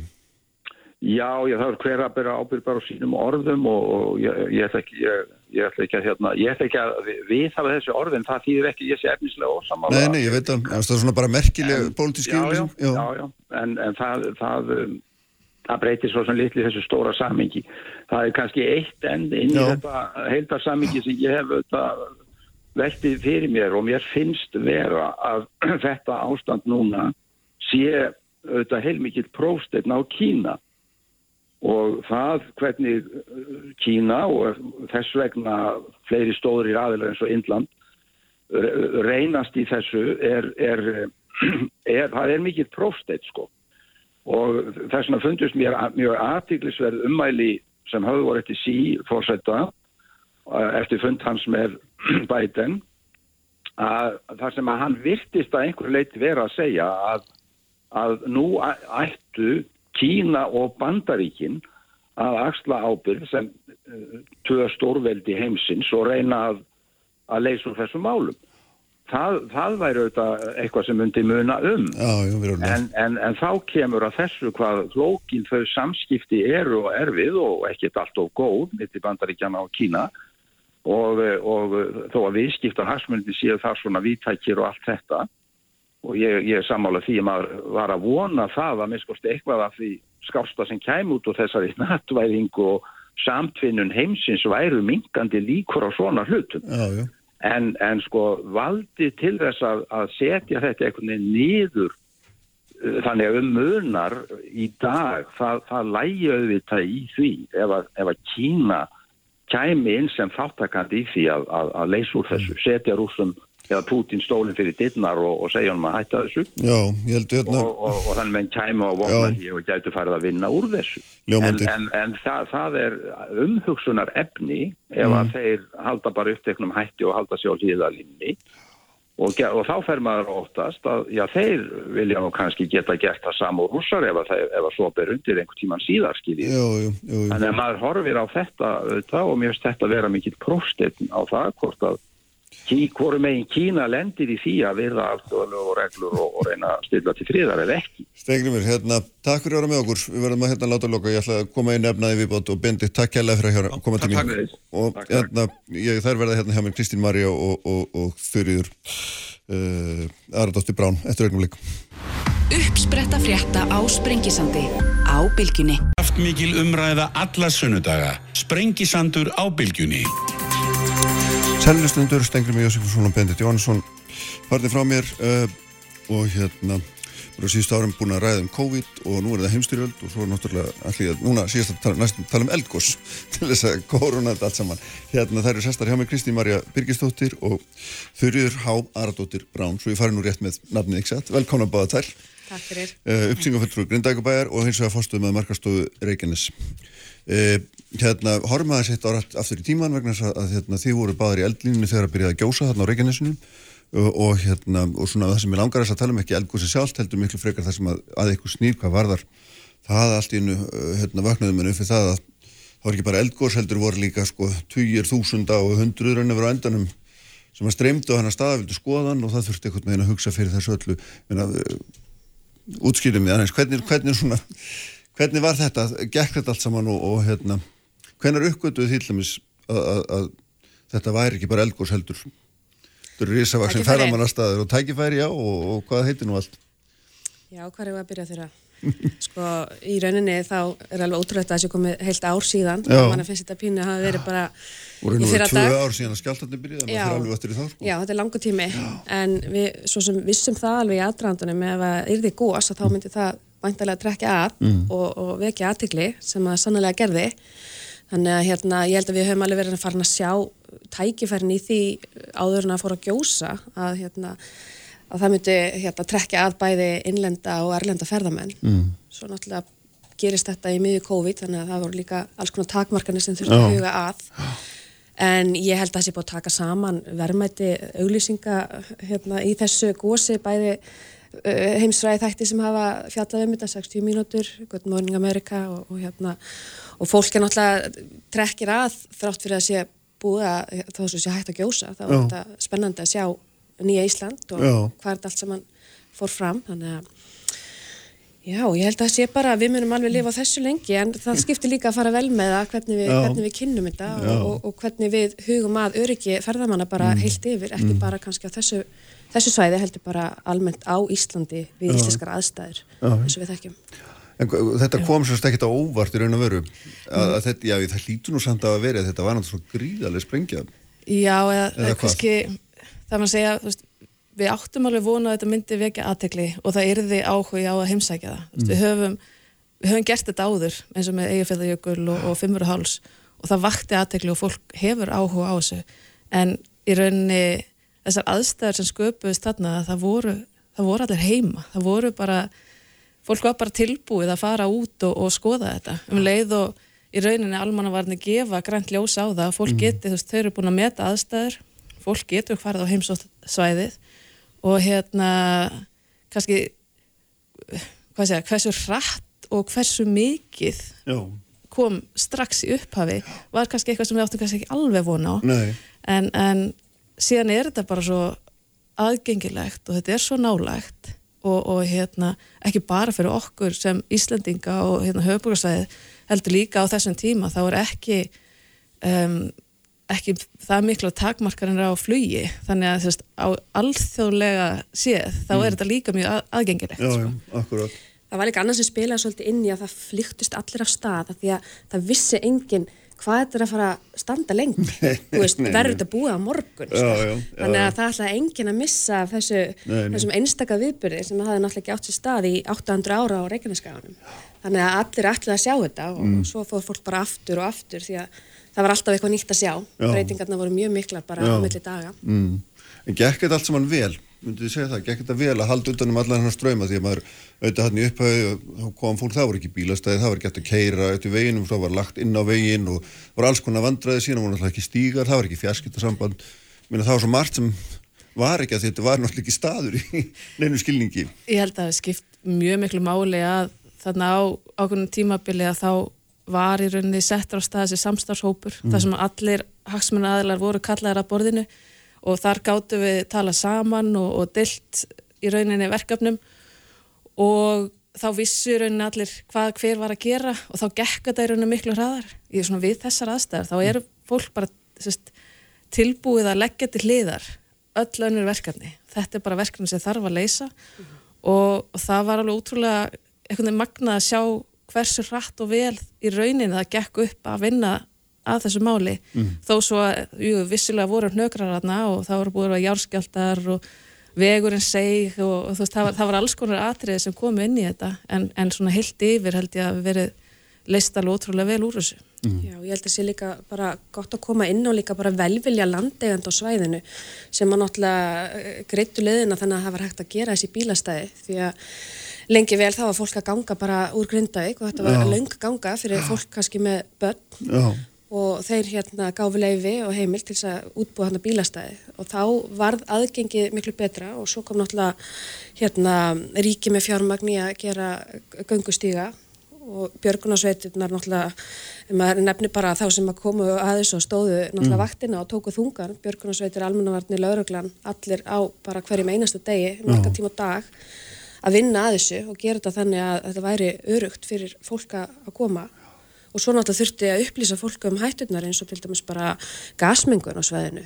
Fólk, fólk var að finna fyrir að fá gaseiturinn og svona því að það kannski áttaði sig ekki á því nákvæmlega hvernig mm. vindáttu var að hvernig, hvernig aðstæði voru. Þannig að það þurfti að upplýsa almenning og þá sem maður vildu koma og kíkja á svæðið. Mm. Hvernig var veðriðu frá, var, var að, hérna, hvernig þurftur að útbúa þig. Já, já, nákvæmlega fólk var náttúrulega í alls konar sko, já, já. það er alveg dæmum að fólk hafi verið hérna á kroks inniskóm sko, já, ég sá nú einhvern þegar ég fór einmitt nákvæmlega þannig og, hérna, og fólk náttúrulega, já, einmitt og, hérna, en, en þetta er náttúrulega svona eins og ég held að einhver hafi sagt þetta, þetta er, var náttúrulega bara inn á hálendinu þó þetta væri ekki inn á hálendinu þá er þetta bara samskonar aðstæður í raun og veru, er það ekki? Ég ætla að sjá hvernig veðrið og veðráttan hefur verið í dag. Við erum ennþá í miðjan mars og, og, hérna, og við þessar aðstæður á þessum stað þá ertu komin á hálendis aðstæður mm -hmm. á sama tíma og sumrin þá er þetta í rauninni miklu uh, örugari svæði til að heimsækja heldur en að fara inn á hálendi þannig að en, en við þessa vetrar aðstæður þá ertu bara komin í, í allt, annan, allt annan pakka og allt annan úbúnað í rauninni Já. Tók fólki svo vel að því að það var í stýrstafna eða vildi menn bara almennt svona Vildi mann bara sprangi við hraunið á sínum eigin fórlundum eða hvernig? Fólk gerði það náttúrulega fyrst já, þegar já, allir fyrir líktu stað hann bara strax já. á förstaskvöldinu þegar að vissi að það væri að fara að gjósa þá var náttúrulega sumi sem bara út í stukk út í bíl bara og, og gengu þarna yfir hraunið frá Grindavík og heinum sko, sem, sem er sem náttúrulega bara mjög laung og, og hérna, erfi leið að fara. En svo líka held ég að fólk hafi átt að sér síðan á að þegar fyrir að gjósa hann þetta er land í engaegu þú getur ekki farið á vélhjólum eða bílum eða hvernig sem þú vilt komast að þessu bara, þannig að það þurft að fara eftir reglum mm. og það, þau þurft að stoppa þarna umferða því að það var búið að það er náttúrulega eins og gefur að skilja þegar ágangu verður mikill að þá, þá hérna sérsta á, á landinu mm. og margt af þessu sem að var verið að reyna að venda náttúrulega komið undir raun núna en, hérna, en ég held að þetta hafi þegar maður horfið svona tilbaka e, með bara saminuðu átæki allra aðila þá hafi þetta gengið bara mjög vel og í rauninni þó svo hafi verið óhöpp og fólk að snúa sig kannski eða fótbróta sig að þá hafi ekki orðið alvarleg slís þarna því að fólk var náttúrulega ganga bara á rauninu sem að var í rauninni kannski kraumand undir. Já, já, í nýða myrkri náttúrulega framann og átti sig kannski á hættinni. Og, já, já. Já. Það náttúrulega var öryggi í þessari stýringu. Þa, það, er, það er alveg klásmál og hérna, með því að gera stígana betri og, og skýrari þá ertu í rauninni að stýra massanum inn á ákveðna slóð þannig að það er auðveldra fyrir viðbrasaðala að bregðast við og, og taka þátt. Frekar en að það er betra að hafa þúsum manns á, á stík mhm. heldur en dreifða um, já, um þarna alla koppar og grundir. En ekki síður bara fyrir sko ferðamannin eða gestin sjálfan. Að hann, sagt, það er öryggi í uh, upplýsingagjöfinni, það er öryggi í því að hann viti hvert hann er að fara og hvað hann er að fara að gera og hvernig hann á að gera það.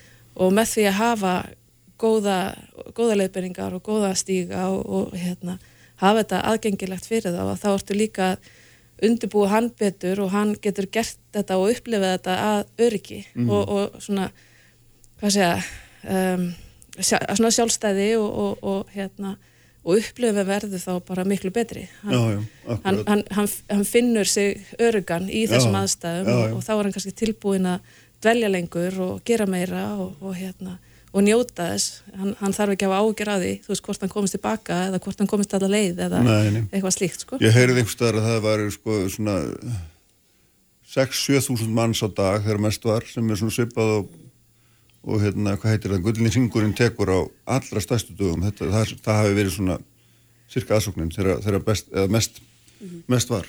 Já, það er engin smá fylgdi og mælabór ferðarþjónustunnar hefur náttúrulega verið svolítið að fylgjast með þessu. Þannig að nokkur um dögum, 5 til 7 dögum eftir að erunni góshófst, þá byrja þessar talningar.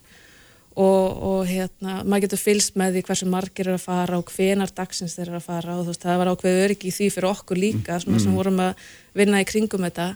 En svo bara að horfa fólki fannst þetta líka áhugavert að fylgjast með hversu margir væri að fara. Þannig að það sést líka á í rauninni hérna baktölum á vefsíðunni, þú veist hversu margir voru að skoða síðuna á hverju tíma. Já. Þannig að hérna, þetta, þetta var það, þetta hafði Hvað, hva, vitið þið hvað hafa margir lappað þarna upp yfir frá, frá því að Sko út frá mælaborðinu, Það eru minnstakosti 366.000 frá því að frá því að talningar hófust sko. já, já, já, en það er í rauninni þeir sem að löpu þá þennan þessa aðal götu sko. og hérna svo er miklu fleiri það, það var náttúrulega miklu fleiri eins og bara myndir sína frá fyrstu dögunum. Það, þetta var bara eins og hérna góður hérna þólasmessu löguvegur hérna þessi, þessi gata og, og hérna og svo náttúrulega þeir sem kom með þyrlum og, og öðru, já, já. öðrum faratækjum inn á já. þannig að þetta var alveg þetta, þetta, þetta er svona þetta, það, veist, það er ekkert verið að íkja það þegar verið að lýsa svo við eitthvað þjóðháttíða stemmingu af því þarna var, hittir alltaf einhvern sem þú þekktir og, og hérna. Við gerðum grína þessu skaupinu sko og varst nú eitthvað skrítur og hafður ekki farið upp á góðsum Já, já, nákvæmlega, nákvæmlega. En hvernig var stemningin í Grindavík hérna Kristín þegar að því að sko, það var búið það var, jörð hafði skolfið hann í heilt ára undan ekki satt? Jú. og því voru hann ansi þreytt og sem að sé gamla myndir af fólki sem var bara sko, alls ekki sama lengur Já. og hérna, var þetta ákveðin létti bara eitthvað? Já, þetta var það náttúrulega um leið og hægt að skjálfa því að fólki fannst náttúrulega þessir járskjöldar er mjög óþægilegir Já. og við náttúrulega uh, stöndum fram með fyrir því að við erum þetta með 600 íbúa af 3600 manna mm. bæjarfélagi sem eru erlendis frá og, og skilja kannski ekki aðstæður og veit ekki eh, nákvæmlega hvað er í gangi. Mm. Þannig okkar hlutverk var rosa mikið að bræðast við e, þessu með upplýsingafundum, e, hafandi tólka, gefa fólki tæki frá að koma og, og spurja fagmenn og, og sérfræðinga út í þetta allt saman. Þannig að hérna, og við heldum rosalega mikið á svona fundum fyrir íbúa á meðan að vara að vera, hérna, meðan að jörðin skalf, mm. svo einhvern veginn þegar þetta gós byrjar, sem er nú svona ræfill eins og einhvern segði, að þá einhvern veginn léttur öllum og, og hérna, og þetta svona þrýstingurum var farinn og, og þetta gós var bara hérna svolítið í góðri fjarlægð og, og eiginlega bara ef við hefðum getað valið okkur stað sko, þá hefði það verið þarna sko, fjarrið innviðum og og öðru. Þannig að þetta var eiginlega, þetta er svona tveir fasar. Það er jarðskjált og tímabili sem að tók mjög á íbúana og svo þetta tímabil þegar þú veist, það verður þetta elgo sem að allir vilja eiga náttúrulega og bara, þú veist, þetta er okkur fannst ekki leðilt að segja frá því að það verður bara elgos í Grindavík, sko. en okkur fannst það á sama tíma, já, svona surrealist. Já, já, já.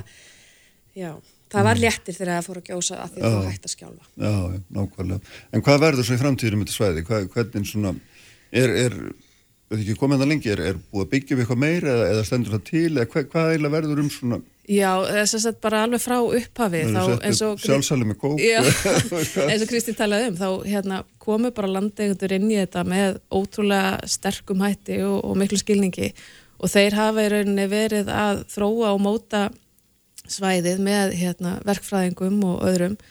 Um það hvernig við getum þá þróa þetta áfram til mm. framtíðara þetta, þetta er hann er í rauninu komið til að vera. Veist, þetta, þetta er orðið áfangastæður og þetta er ennþá mjög vinsall áfangastæður í dag. Það er hérna 200-300 manns á dag að lappa upp eftir, fer svolítið eftir veðri en, en hérna þannig að veist, við komum til með að halda áfram og svolítið að minna á þetta og, og láta vita af þessu og því að núna er, það er komið ákveði jafnvægi á þetta, fólk er ekki bara að fara til að skoða, það, er, það vil líka gera eitthvað meira og, og kynnast svæðinu og, mm. og heyra sögu íbúana, þú veist, fá tilfinningu fyrir þessu þetta er náttúrulega einstakur staður að sjá hérna nýtt fjall, nýtt hraun og finna lyktina og finna hítan, það er eitthvað svo magnað og hérna, en, en eins og segir, þú veist, þetta er langt frá því að vera búið, þú veist, núna, núna eftir að klára þetta, þetta er allt skipilagsferðli, það er verið að gera já. skildi og, og svona kortleggja svæðið með því tilliti.